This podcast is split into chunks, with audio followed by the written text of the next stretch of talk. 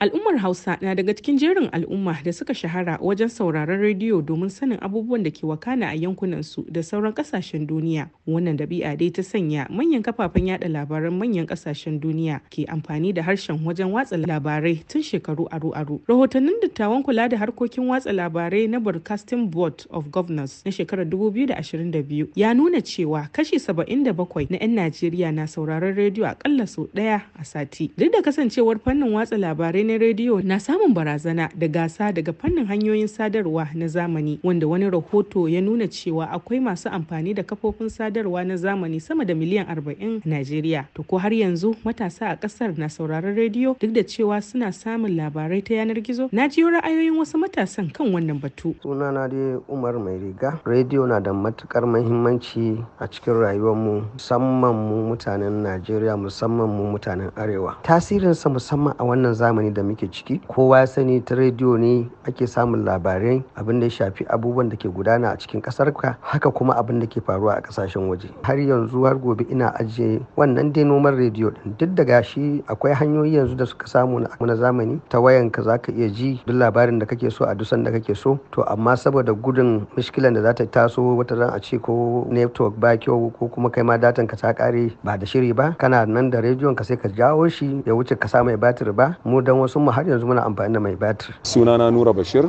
A gaskiya rediyo yana da muhimmancin da kuma za ka iya haɗa shi ba. Dangane da yanayin iyayenmu mutanenmu na karkara inda yau harkar zamanin nan ba ta isa gare su ba amma in ka je karkara duk lungun da kara yake za ka tara akwai rediyo da ake jin labarai ake jin me ƙasa take ciki me al'umma suke cikin da na taso gidanmu wannan ɗabi'ar har yau iyayenmu suna yi nima na ɗauke ta saboda a rediyo nake samun labarai da nake gamsuwa da shi kuma na tabbatar da hancin shi musamman biyoyi hausa ina matuƙar ba su lokaci na a rana. Don nakan ji da safe in ji da rana in ji da daddare saboda in san me kasa take ciki. Baya ga na'urar rediyo mutane na sauraron gidajen rediyo ta hanyar amfani da wayoyinsu har ma a motoci. Ko har yanzu rediyo na da tasiri a rayuwar al'umma? Tambayar da na yi wa bala muhammad kenan malami a sashen koyar da aikin jarida da ke jami'ar bayero a jihar kano. Har yanzu rediyo ita ce hanya mafi sauƙi ta tarar da mutane wato mutanenmu na karkara har ma da na birane. Rediyo muka fi ji domin jarida ba kowa yake iya karanta ta ba sannan kuma talabijin ba ko ina za ka samu wuta ba. Amma ita rediyo in dai Allah ya sa kana da batir a yanzu ma in kana da yar waya karama in dai za ta iya ɗaukan wato harkar rediyo to za ka samu ka ji rediyo insha Allah. Kuma ita rediyo alhamdulillahi ta tabbata cewar mu dai a nan Afirka amfaninta ba zai kare nan kusa ba. Duk da cewar akwai kafofin sada zumunta na social media da suka yi yawa. Kazalika Malam Umma Sale Gwani kwararre a fannin sadarwa na zamani kana masanin tsaro na hanyoyin sadarwa wato cyber security ya yi ƙari da cewa. A ƙasar mu nan Najeriya kowa yana sane da kan cewa rediyo ya yi taka rawa wajen ilmantar da mutane wajen sanar da su to kamar batun maganan tsaro duk lokacin da jami'an tsaro ko kuma hukumomi suke so su ilmantar da mutane akan